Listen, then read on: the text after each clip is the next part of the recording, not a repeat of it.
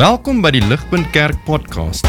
As Ligpunt Gemeente is dit ons begeerte om God te verheerlik deur disippels te wees wat disippels maak en 'n kerk te wees wat kerke plant.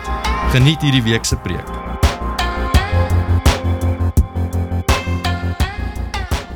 Uh, ek wil begin deur gou vinnig vir julle 'n foto hierbo te wys. Hoopelik is dit op die skerm.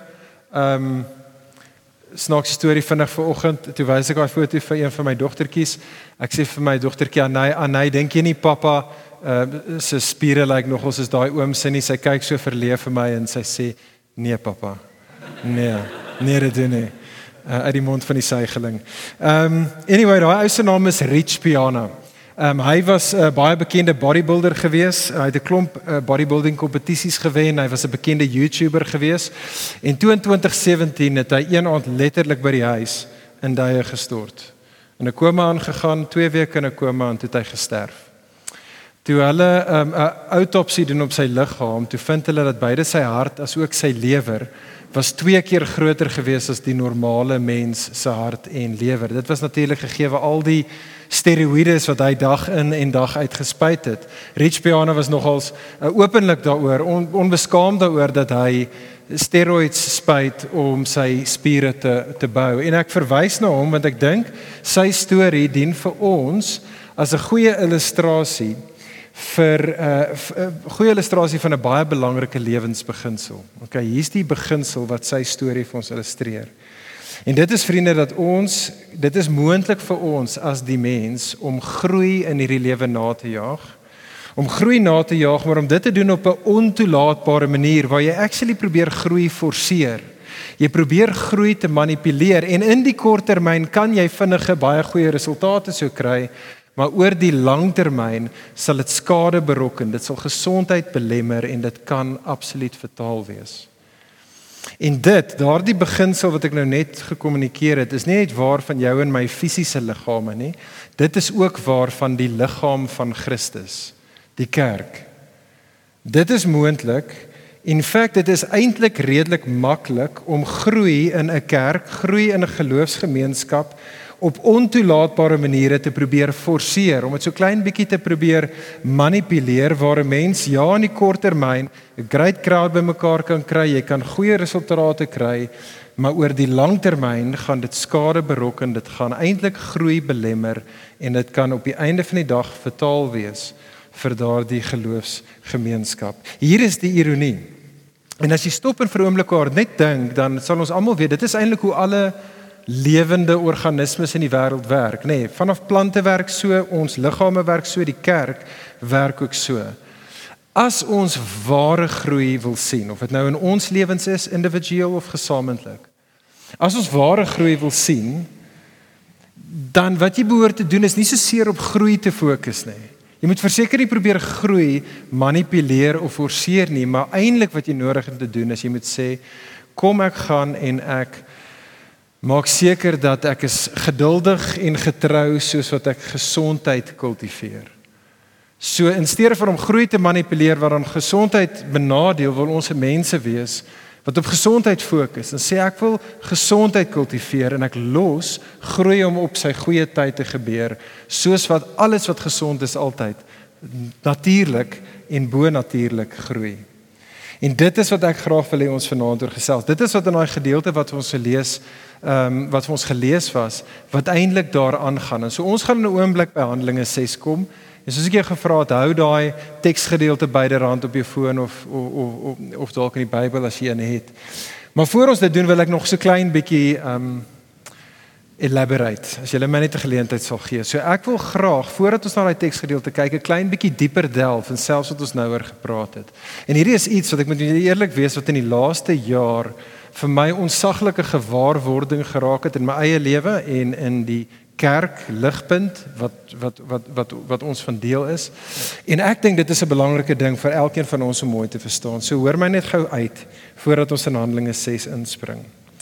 Ek weet nie wie van julle het al ge gehoor van 'n ou met die naam van Eugene Peterson nie. Eugene Peterson um, is 'n Christen skrywer en en hy het 'n paar jaar gelede 'n boek uitgebring genaamd The Jesus Way. En wat Eugene Peterson daarso sê, as hy sê, hy kyk na ons as die westerse moderne kerk, ons. En hy sê die moderne westerse kerk is in 'n bitter gevaarlike plek. Want en ons besef nie eers hierdie nie, maar die water waarin ek en jy swem as moderne mense, ja selfs Christene, is so deurdrenk met consumerism. Die wêreld waarin ons is is so deurdrenk met corporate culture en met Hollywood spin dat op die beste van tye besef ons dit nie maar selfs ons as die kerk in die naam van God en Christendom probeer ons dan geestelike groei ja, najaag maar ons doen dit eintlik op wêreldse maniere. Ons, ons doen maar net presies wat ons wêreld vir ons sê, die die wysheid van die wêreld. Ons wêreld, nê, nee, sê vir jou en vir my, die wêreld sê vir ons do whatever it takes to get results. Ons wêreld sê vir ons, ehm um, the end justifies the means. Dit maak nie saak hoe jy dit doen nie, maak net seker jy perform. En ons vriende, ons as die moderne kerk eh, drink so daai Kool-Aid in, ons besef nie eers dat ons dit doen nie. En dan wanneer ons kom en ons probeer in ons eie lewens resultate geestelike groei resultate sien of in 'n kerk wil ons sien dat dinge gebeur en dinge groter word of wat ook al dan dan doen ons baie kere presies dit. Ons kom met wêreldse idees uh, na na hierdie goddelike instansie genaamd die kerk toe. Ons vergeet Jesus se woorde, sê Eugene Peterson in Johannes 14 vers 6. Hy bekende woorde, jy ken dit dalk. Jesus sê vir ons, I am the way and the truth and the life. Met ander woorde sê Jesus, as jy ware lewe wil hê, dan het jy nie net nodig om jouself met die truth van my wat Jesus is besig te hou nie, maar ook met my ways, met my weë, met my manier. En, en dit is wat ek dink ons baie kere vergeet. Ons dink ja ja ja, ek het nodig om te doen wat Jesus sê, maar ons vergeet dat ons disippels van Jesus word ons ook geroep om te doen soos Jesus gedoen het. Kyk vinnig saam met my lang quote, maar dit is belangrik. Ek ek ek lei by hierdie punt want ek dink regtig dit is belangrik en ook vir ons gesprek vanaand in Handelinge 6. Kyk saam met my wat sê Eugene Peterson. Hy sê more often than not I find my Christian brothers and sisters uncritically embracing the ways and the means practiced by the high profile men and women who lead large corporations and congregations and nations and causes, people who show us how to make money, win wars, manage people, sell products, manipulate, uh, manipulate emotions, and who then write books or give lectures telling us how we can do what they are doing. But these ways and means more often than not violate the ways of Jesus. North American Christians en ek wil ook sê ons as veral Afrikaanse Pretoria Christians is dit van ook waar. North American American Christians are conspicuous for going along with whatever the culture decides is charismatic, successful, influential, whatever get things done, whatever can gather a crowd of followers, hardly noticing that these ways and means are at odds with the clearly marked way that Jesus walked and called us to follow. Doesn't anybody notice that the ways and the means taken up often enthusiastically are blasphemously at odds with the way Jesus leads his followers. Why doesn't anyone notice? En vriende, dit is hoekom ek graag wil hê ons moet vanaand na Handelinge 6 kyk. Ek wil hê ons moet notice. Ek wil hê ons moet notice. Ek moet eerlik met julle wees. Ek het op 'n stadium perspektief verloor. Ek praat nou net hier van myself. Eerens met totaal en alle goeie bedoelings om te kan sien dat 'n geloofsgemeenskap geestelik sal groei sodat daar mense tot bekering sal kom, mense wat nog nie disippels van Jesus is nie, vir hom sal leer ken. En dat mense wat disippels is, sal groei in volwassenheid. En dat ons ligpunt gesinne, ons klein geloofsgemeenskappies sal multiply en meer word en dat ons kan kerke plant. In daai wonderlike goddelike begeerte, eers het ek begin hierdie hierdie wysheid van die wêreld te begin implementeer en dink okay, hoe kan ons net beter strategieë kry? Hoe kan ons net 'n beter, jy weet, photoshopping op 'n webwerf doen en dit doen en dat doen en al hierdie ander maniere wat jy probeer in 'n mate groei te forceer en manipuleer en dit is te te vergeefs. Dit is inderdaad blasphemous soos wat Eugene Peterson daarso sê. En so net vir myself, maar ook vir ons as 'n geloofsgemeenskap, wil ek sê genoeg is genoeg. Kom ons stop dit. Kom ons hou op om op Hollywood maniere kerk te speel. Kom ons gaan terug en kyk wat die vroeë kerk gedoen het. En so kom ons doen dit. Handelinge 6. Nou is ons daar. Handelinge 6 in die vroeë kerk hierso vers 1 tot 7. Ons sien hier 'n pragtige prentjie van hoe God se oor Jesus se oorspronklike disippels hoe hulle in die midde van 'n magtomstemme in hulle lewe back to basics gegaan het waar hulle die belangrike dinge geprioritiseer het in hulle geloofsgemeenskap en hoe hulle seker gemaak het dat hulle gesond is en gewag het vir die Here om goddelike groei te bring. En ek wil hê ons moet dit sien. Ons gaan kyk na daai versies aan die hand van drie opskrifte. Vers 1 gaan ons kyk na die uitdaging. In vers 2 tot 6 gaan ons kyk na die oplossing en dan in vers 7 gaan ons kyk na die herlewing. OK, en ek wil ons moet dit sien. So eerste ding, die uitdaging vers 1. Vers 1 daarso vir ons om vers 1 te kan verstaan wat hier aangaan, het ons nodig om so klein bietjie vertrou te wees met ehm um, die storie tot dusver in die boek van Handelinge en ek weet nie of jy was vir dit nie. So vinnige recap vir die wat nie was nie. In Handelinge 2, dalk weet jy dit, maar Petrus is daar by die tempel saam met die 120 disippels, maar daar's 'n legio ander aanbidders, Joodse aanbidders daar by die tempel. Petrus gee sy famous preek waar hy die evangelie verkondig oor wie Jesus is, wat Jesus gedoen het. En Lukas vertel vir ons daar in Handelinge 2 dat soos hy hierdie boodskap van Jesus verkondig het, toe sny dit die mense se harte en 'n groot skaal soveelheid mense kom en hulle draai in geloof en bekering na Jesus toe. Eh, die die gees word op hulle uitgestort en daar is die ontstaan van die kerk. Lukas vertel vir ons einde hoofstuk 2 dat daar was 3000 mense daardie dag wat tot bekering gekom het. Die eerste kerk, 'n mega church, alright? En daar is die 3000 van hulle saam. Einde Handelinge 2 skets Lukas vir ons dan hierdie pragtige prentjie van daai eerste geloofsgemeenskap wat totaal en al gesond was.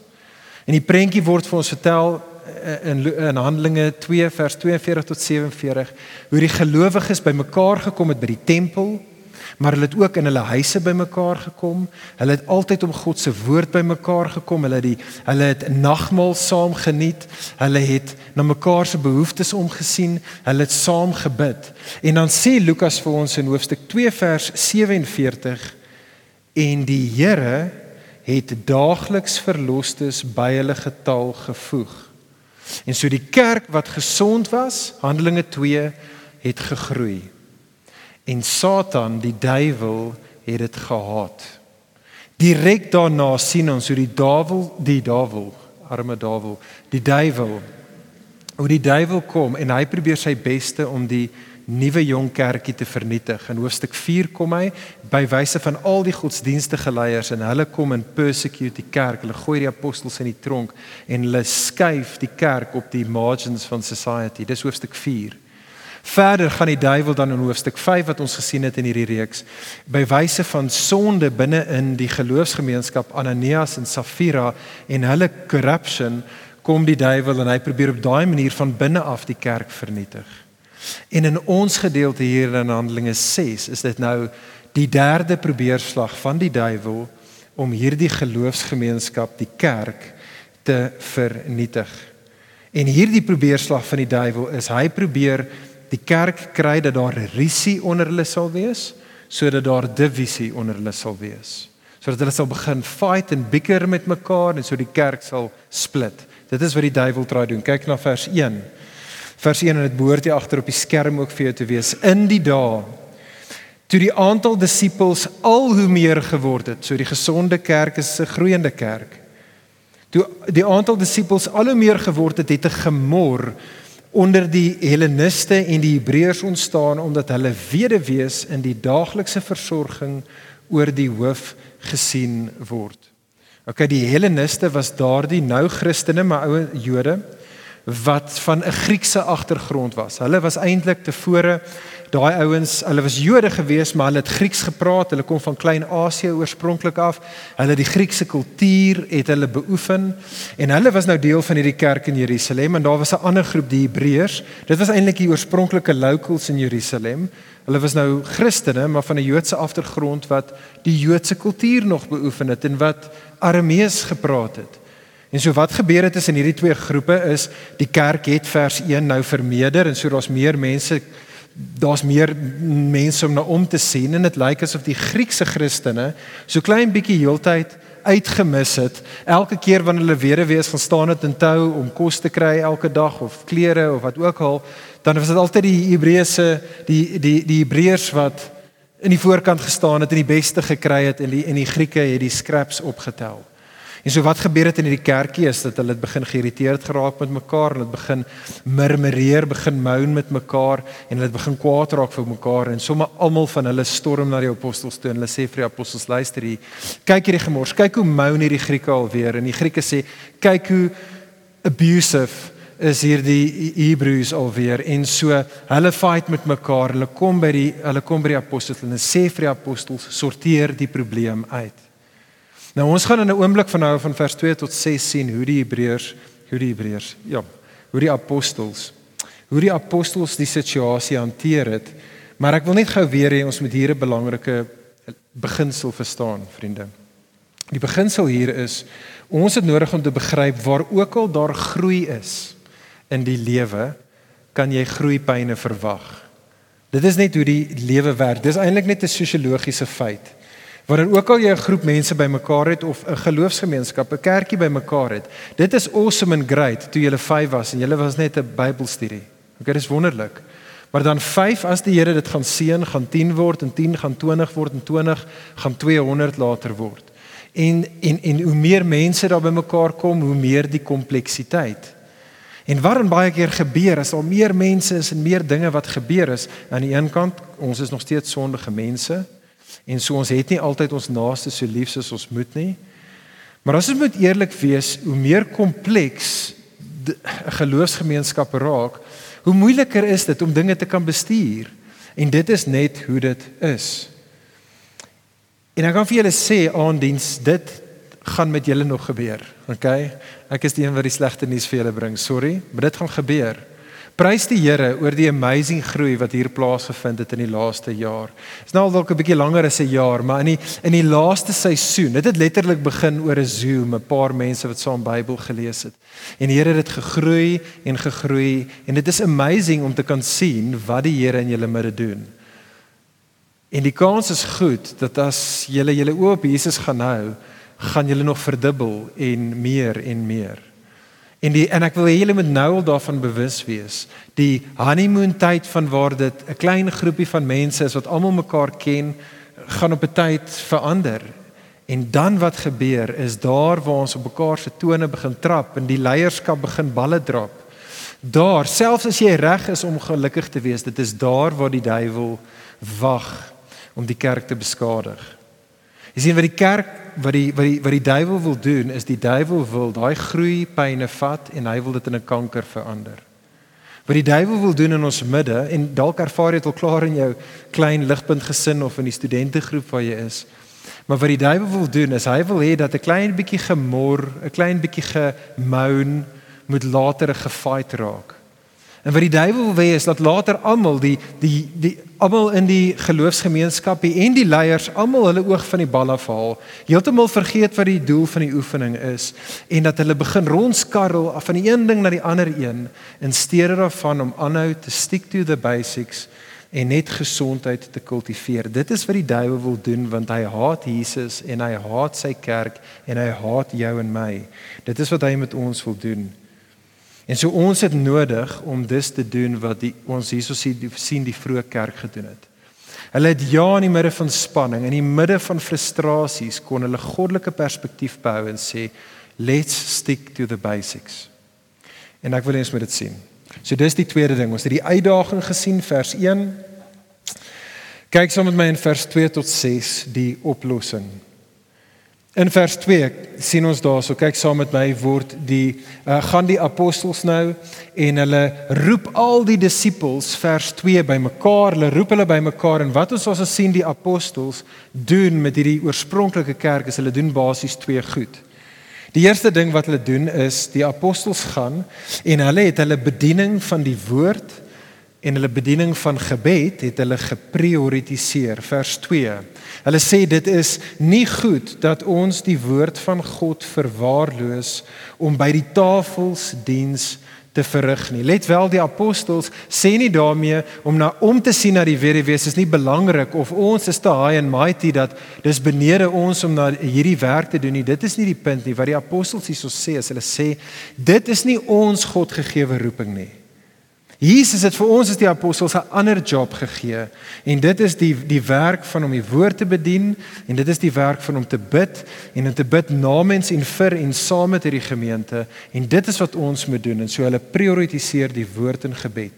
Die tweede ding wat ons hierso sien wat die apostels doen, kyk saam met my daar, is hulle gaan dan en hulle het die versorging van die weduwees ook geprioritiseer, maar hulle doen dit deur daardie behoefte te delegeer aan 'n ander groep van mense binne in die gemeente met gawes wat dan kan gaan en namens die res van die gemeente seker kan maak dat elke liewe fisiese behoefte in hulle gemeenskap aangespreek kan word.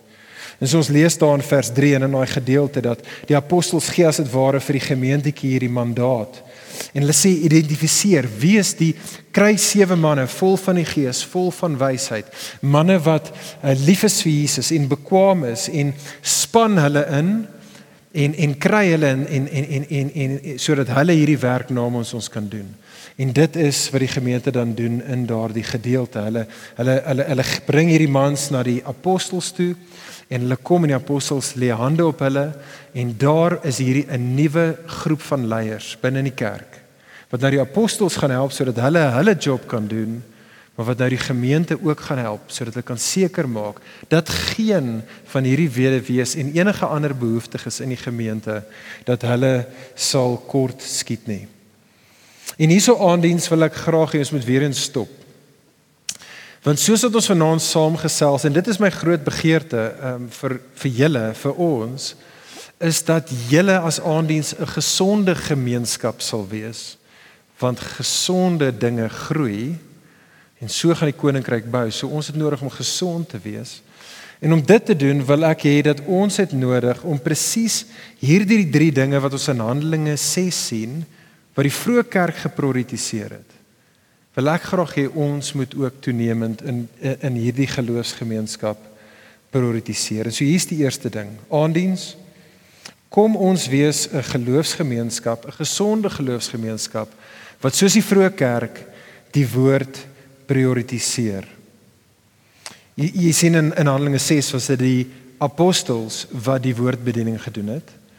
Maar soos wat jy deur die boek van Handelinge gaan in Handelinge 20, dan sien jy dat soos wat daar kerkies opduik, nuwe kerkies later in Klein-Asië, is dit nie meer die apostels wat oral kan uitkom en woordbediening doen nie, dit raak die verantwoordelikheid van ouderlinge, ouderlinge om woordbediening te doen. Nou ek weet nie wie jy is en van waar of jy kom nie, dalk klink ouderlinge vir jou soos 'n old school woord, maar dit is 'n baie belangrike woord. Dit is maar nie die Nuwe Testament se woord vir die geestelike leiers in 'n kerk. En en en die primêre prentjie wat die wat die Nuwe Testament gebruik om van ouderlinge te praat is die prentjie van herders. Hulle is shepherds, hulle is pastors. En en daar's vier maniere wat ouderlinge in die Nuwe Testament hulle werk as herders doen. Jou geestelike leiers is daardie persone wat die kudde die kudde van Jesus ehm um, voed. Hulle is die ouens wat daardie kudde op die groen na die groen weivelde van God se rus toe lei. Ouderlinge is daar om die kudde te beskerm van die wolwe, die valse leraars. En ouderlinge volgens die Nuwe Testament is herders wat ook die kudde wat seer is en siek is versorg. Dit is die werk van ouderlinge en dit is treffend as ons die tyd gehad het kon ek vir julle gewys het maar dit in die Nuwe Testament is die manier wat jou geestelike leiers elkeen van hulle Godgegewe funksies vervul is altyd by wyse van die Bybel God se woord. God se woord is die kos en die lewende water wat die kudde nodig het. God se woord is soos die kompas wat vir die kudde wys waar die beloofde land die groen weivelde is God se woord is soos die heining wat die wolwe, die valse leraars kan buitehou sodat hulle nie kan inkom en en en die kudde kan om die bos kom lei en so kom verorber nie. En God se woord is soos die salf wat gegee word daar wanneer die kudde seer is en en en siek is. En dit is vriende wat ek wil hê uh, ons moet besef is dat 'n gesonde geloofsgemeenskap is 'n gemeenskap waar jou ouderlinge en jou geestelike leiers altyd in alles woord gesentreerd is. Dit is wat ek wil hê ons moet begryp. Hoor dit asseblief tog mooi. Kan ek by julle pleit aandiens? Want dit wat ek nou sê is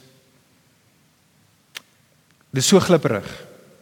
Want as jy vir elke Christen na buite vra, gaan hy sê, "Jesus, ek love die woord. Die woord is my ding. Ons is ons love die woord."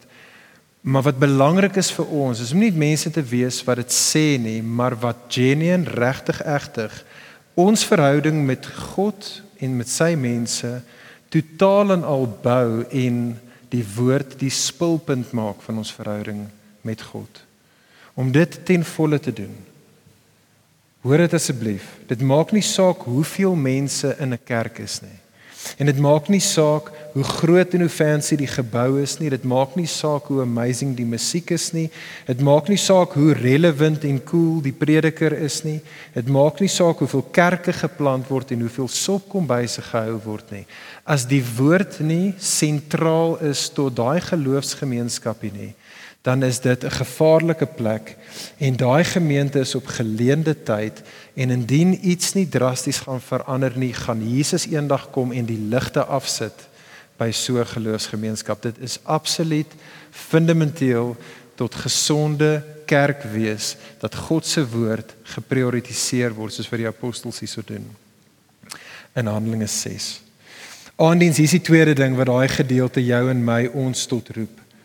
Hierdie gedeelte roep ons en sê vir ons dat 'n gesonde geloofsgemeenskap eh, prioritiseer tweedens gebed. En ek moet met julle eerlik wees, hierdie is die een wat vir my persoonlik die meeste sting. Ek dink hier by Ligpunt, maar ook hier by Aandiens, ons is 'n gemeente wat die woord ernstig opneem.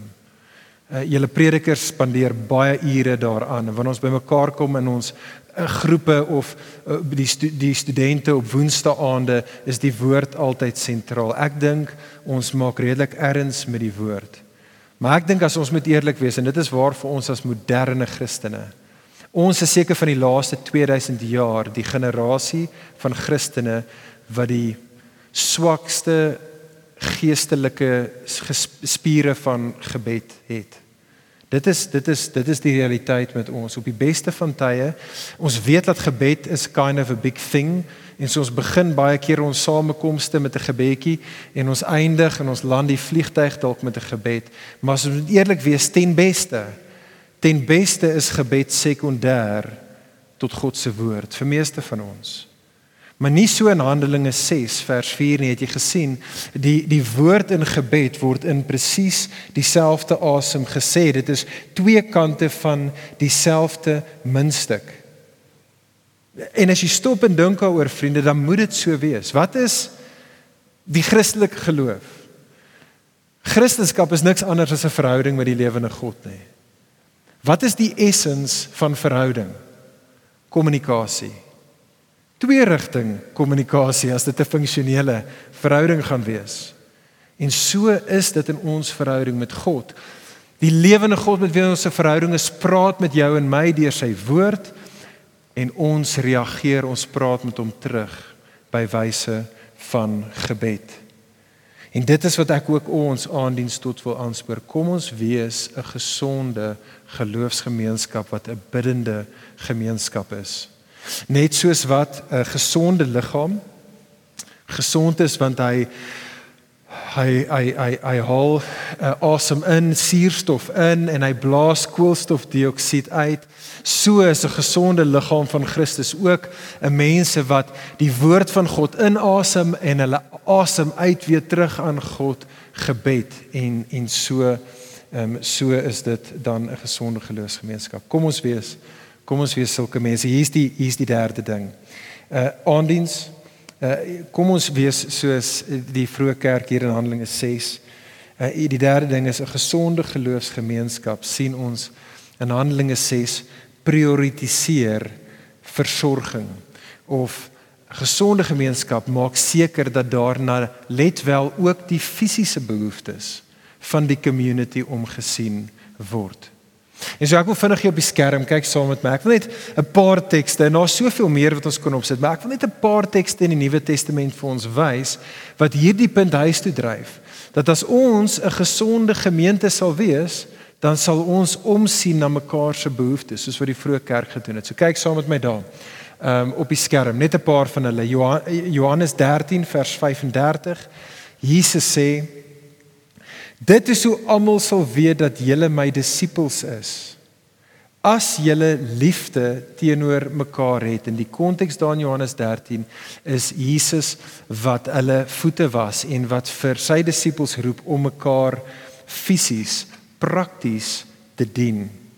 Jesus se broer Jakobus sê in Jakobus hoofstuk 1 vers 27 hierdie of dit is suiwer en onbesmette godsdiens voor ons God en Vader om na weeskinders en weduwees om te sien in hulle ellende En vir daai rede dan net daarna bekende woorde wat jy dalk al gehoor het in Jakobus hoofstuk 2 vers 15 tot 27 gaan Jakobus aan en hy sê as 'n broer of 'n suster so 'n meerige gelowige in jou kerk as 'n broer of 'n suster sonder klere en daaglikse kos is en een van julle sê vir hulle gaan in vrede broer suster word warm en word versadig maar julle gee nie vir hulle wat die liggaam nodig het nie. Wat help dit So 'n geloof alleen as dit nie op dade uitloop nie, is nie net ongesond nie sê Jakobus, dit is dood. En so besef dit, nee, dink en dit is waar van ons liggaam, van ons liggame, 'n gesonde liggaam is 'n liggaam wat op 'n cellulêre vlak homself kan herstel. As jy 'n wond het en jy's gesond, wat gebeur? Jou hele liggaam werk saam om daai wond weer te genees. En so is dit met die liggaam van Christus wanneer daar fisies dis verseker waar geestelik maar as daar fisiese wonde in ons liggaam is dan is 'n gesonde geloofsgemeenskap daai gemeenskap wat saamwerk om te sê hoe kan ons hierdie behoeftes aanspreek? Wat kan ons doen om hierdie suster wat nie wat hierdie hierdie hierdie, hierdie dame in ons midde wat dalk nie ehm, 'n um, werk het nie te help met met kos of om hierdie persoon wat hulp nodig het met hierdie ding hulle te gaan help of of daai mamma wat alleen is en sy sy kan nie na haar kinders omsien nie want sy's 'n enkel mamma uh, om haar te gaan bystaan en op 'n Saterdag te gaan uithelp. Dit is wat 'n gesonde geloofsgemeenskap doen. En ek wil ons aanspoor om juis so 'n uh, so 'n kerkie te wees. Ek wil ook vinnig 'n laaste ding hier sê met betrekking tot 'n ander groot woord. Ons het al van ouderlinge gepraat en dit is nie 'n term wat ons baie keer oor praat nie. Maar ek wil vinnig ook praat oor 'n ander Bybelse kategorie wat ek dink ons op die beste van tye nie aangewoond is nie en dit is die idee van diakens. Die woord diakens kom in hierdie gedeelte in Handelinge 6 'n paar keer voor of die of die werkwoord van dit diakon wat beteken om te dien. En volgens die Nuwe Testament is diakens is nie ouens wat net eers in 'n kerk in die voorkant sit en hulle neem kollekte in nie. Volgens die Nuwe Testament is diakens 'n groep van geestelike leiers in 'n kerk wat die verantwoordelikheid gegee word om ons as die kerk te help en ons te te ondersteun en ons te mobiliseer sodat ons na mekaar se behoeftes kan omsien. En ons is nou in hierdie in hierdie seisoen wat ons is, as ons by ligpunt, is ons nou in 'n proses om formeel diakens in te bring. En ons gaan selfs hier vanaf die vanaf die aanddiens af probeer mense kry om ons te join om op daai diakenspan te wees sodat ons kollektief saam kan sê maar hoe kan hierdie diakens ons lei en ons mobiliseer sodat ons kan seker maak dat daar is nie 'n weduwee of 'n weeskind of iemand wat alleen is en swaar kry wat nie hulp kan ondersteun nie. Ons wil so 'n gemeente wees. As ons so 'n gemeente is, sal ons 'n gesonde geloofsgemeenskap wees. En as ons 'n gesonde geloofsgemeenskap is, dan sal God op sy goeie tyd groei bring. Dit is wat ons sien. Derde en laaste ding die herlewing vers 7. Kyk saam met my na vers 7. Ek lees dit vir ons. Lukas sê soos wat hierdie kerk geprioritiseer het op die basics, soos wat hulle 'n gesonde gemeenskap was, sê hy en die woord van God het versprei En die aantal disippels in Jerusalem het aansienlik vermeerder en 'n groot menigte van priesters het aan geloof het aan die geloof gehoorsaam geword. En, en so hierdie is die logika van van wat hier plaasgevind het. Soos wat hierdie eerste kerkie, hierdie eerste gemeente in Jerusalem gefokus het op die basics en dit geprioritiseer het woord, gebed en versorging, was hulle gesond en gesonde dinge groei. Soos wat hulle tyd spandeer het in God se woord en gebed, het hulle liefde vir God toegeneem. Hulle het liewer en liewer vir Jesus geraak. En hulle liefde vir Jesus het begin oorvloei na liefde vir mekaar. En so hulle het aan mekaar begin omsien. En daai liefde van Jesus, hierdie fontein wat deur woord en gebed vloei en liefde na mekaar, het nie daar gebly nie. Hulle was lief vir die ander mense in Jerusalem wat nog nie vir Jesus ken nie. En so hulle het uitgegaan, hulle het die evangelie met ander begin deel. En daai mense het na hulle gekyk en ander mense wat nie disippels van Jesus was nie, het gekyk na hierdie geloofsgemeenskap en gesê, "Ja, Maar hier is die lewende God inderdaad teenwoordig. Hier is lewe in hierdie gemeenskap. En so die Heilige Gees het so op daai manier mense nie deur fancy rookmasjiene en coolness mense getrek na hom toe nie, maar deur mense wat in verhouding met die Here is, in verhouding met mekaar is en wat die evangelie met ander deel. En so het die Heilige Gees mense na Jesus toe getrek. En so het die liggaam van Christus toenemend uitgebou. En so aandiens, dit is my gebed vir julle. Hierdie is my gebed vir ons as 'n gemeente dat hierdie prentjie wat ons in Handelinge 6 sien van die vroeë kerk, dat dit in die jare wat kom 'n prentjie van aanddiens sal wees. Dit is my gebed vir ons en hierdie is hoekom ek absoluut vol moed is dat dit is hoe die storie vir ons sal uitdraai. Want die want die manier wat die storie vir Jesus uitgedraai het, is die manier wat dit vir Jesus se kerk sal uitdraai. En sien die duiwel het gekom en die duiwel het gesien toe Jesus op die verhoog van wêreldgeskiedenis kom en die duiwel het Jesus gehaat. En die duiwel het Jesus probeer vernietig. En die ironie van die saak is juis op daardie punt waar die duiwel gedink het nou gaan ek vir Jesus vernietig, die kruis. Dit was juis die plek gewees waar God in sy wysheid ja toegelaat het dat sy seun op 'n kruis sterf. Maar dit was presies die manier wat die die koninkryk toe tot stand gekom het.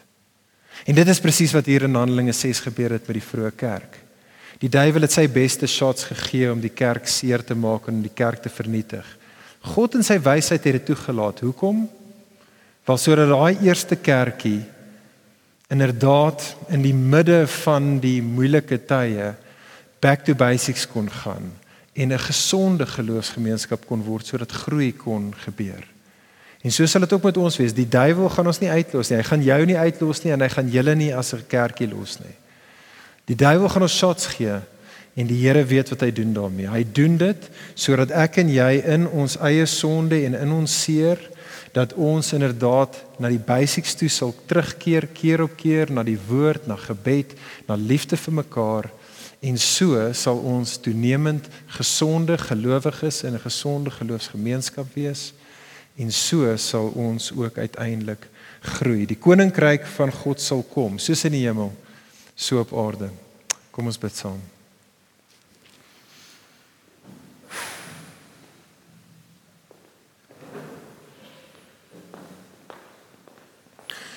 Hemelse Vader, ons loof en ons prys U dat ons vanaand hier kan sit in Pretoria 2022 as 'n klein geloofsgemeenskapie maar dat ons deel is van 'n groter storie wat 2000 jaar tot stand gekom het toe die goeie nuus oor Jesus verkondig was en mense sy disippels geword het en die kerk gestig was. Dankie dat ons deel is van daai storie. Jesus, U het beloof U sal die kerk bou en U doen dit al vir millennia. Vader, ek bid vir ons en ek bid vir aandiens. Ek bid dat ons nie 'n uh, 'n klomp moderne ehm um, Hollywood Christene sal wees wat kerk speel, wat godsdiens sal speel nie. Maar dat ons se mense sal wees wat sal stick to the basics, dat ons se mense sal wees wat dit sal doen wat u kerk oor al die jare nog doen. U woord sentraal hou. Gebed die hartklop hou van ons lewens. 'n Mense wat lief is vir mekaar, 'n mense wat die evangelie met ander deel. Here hou ons daar. Here maak ons gesond. Hou ons gesond. En in u goeie tyd groei ons in u wysheid soos wat u dit goed dink. Here ons wil geduldig en getrou op u wag. Here help ons om nie u vooruit te gaan nie. Dankie dat u met ons is. Dankie dat u in ons werk. En dankie dat u beloof dat u sal ook deur ons werk. Ons sien uit, Here, na daai dag wat ons saam met u gaan wees, maar tot daardie dag, Here, kom en werk in en deur ons in Jesus se naam. Amen. Vir meer inligting oor Ligpunt Kerk, besoek gerus ons webwerf op www.ligpunt.com of kontak ons gerus by info@ligpunt.com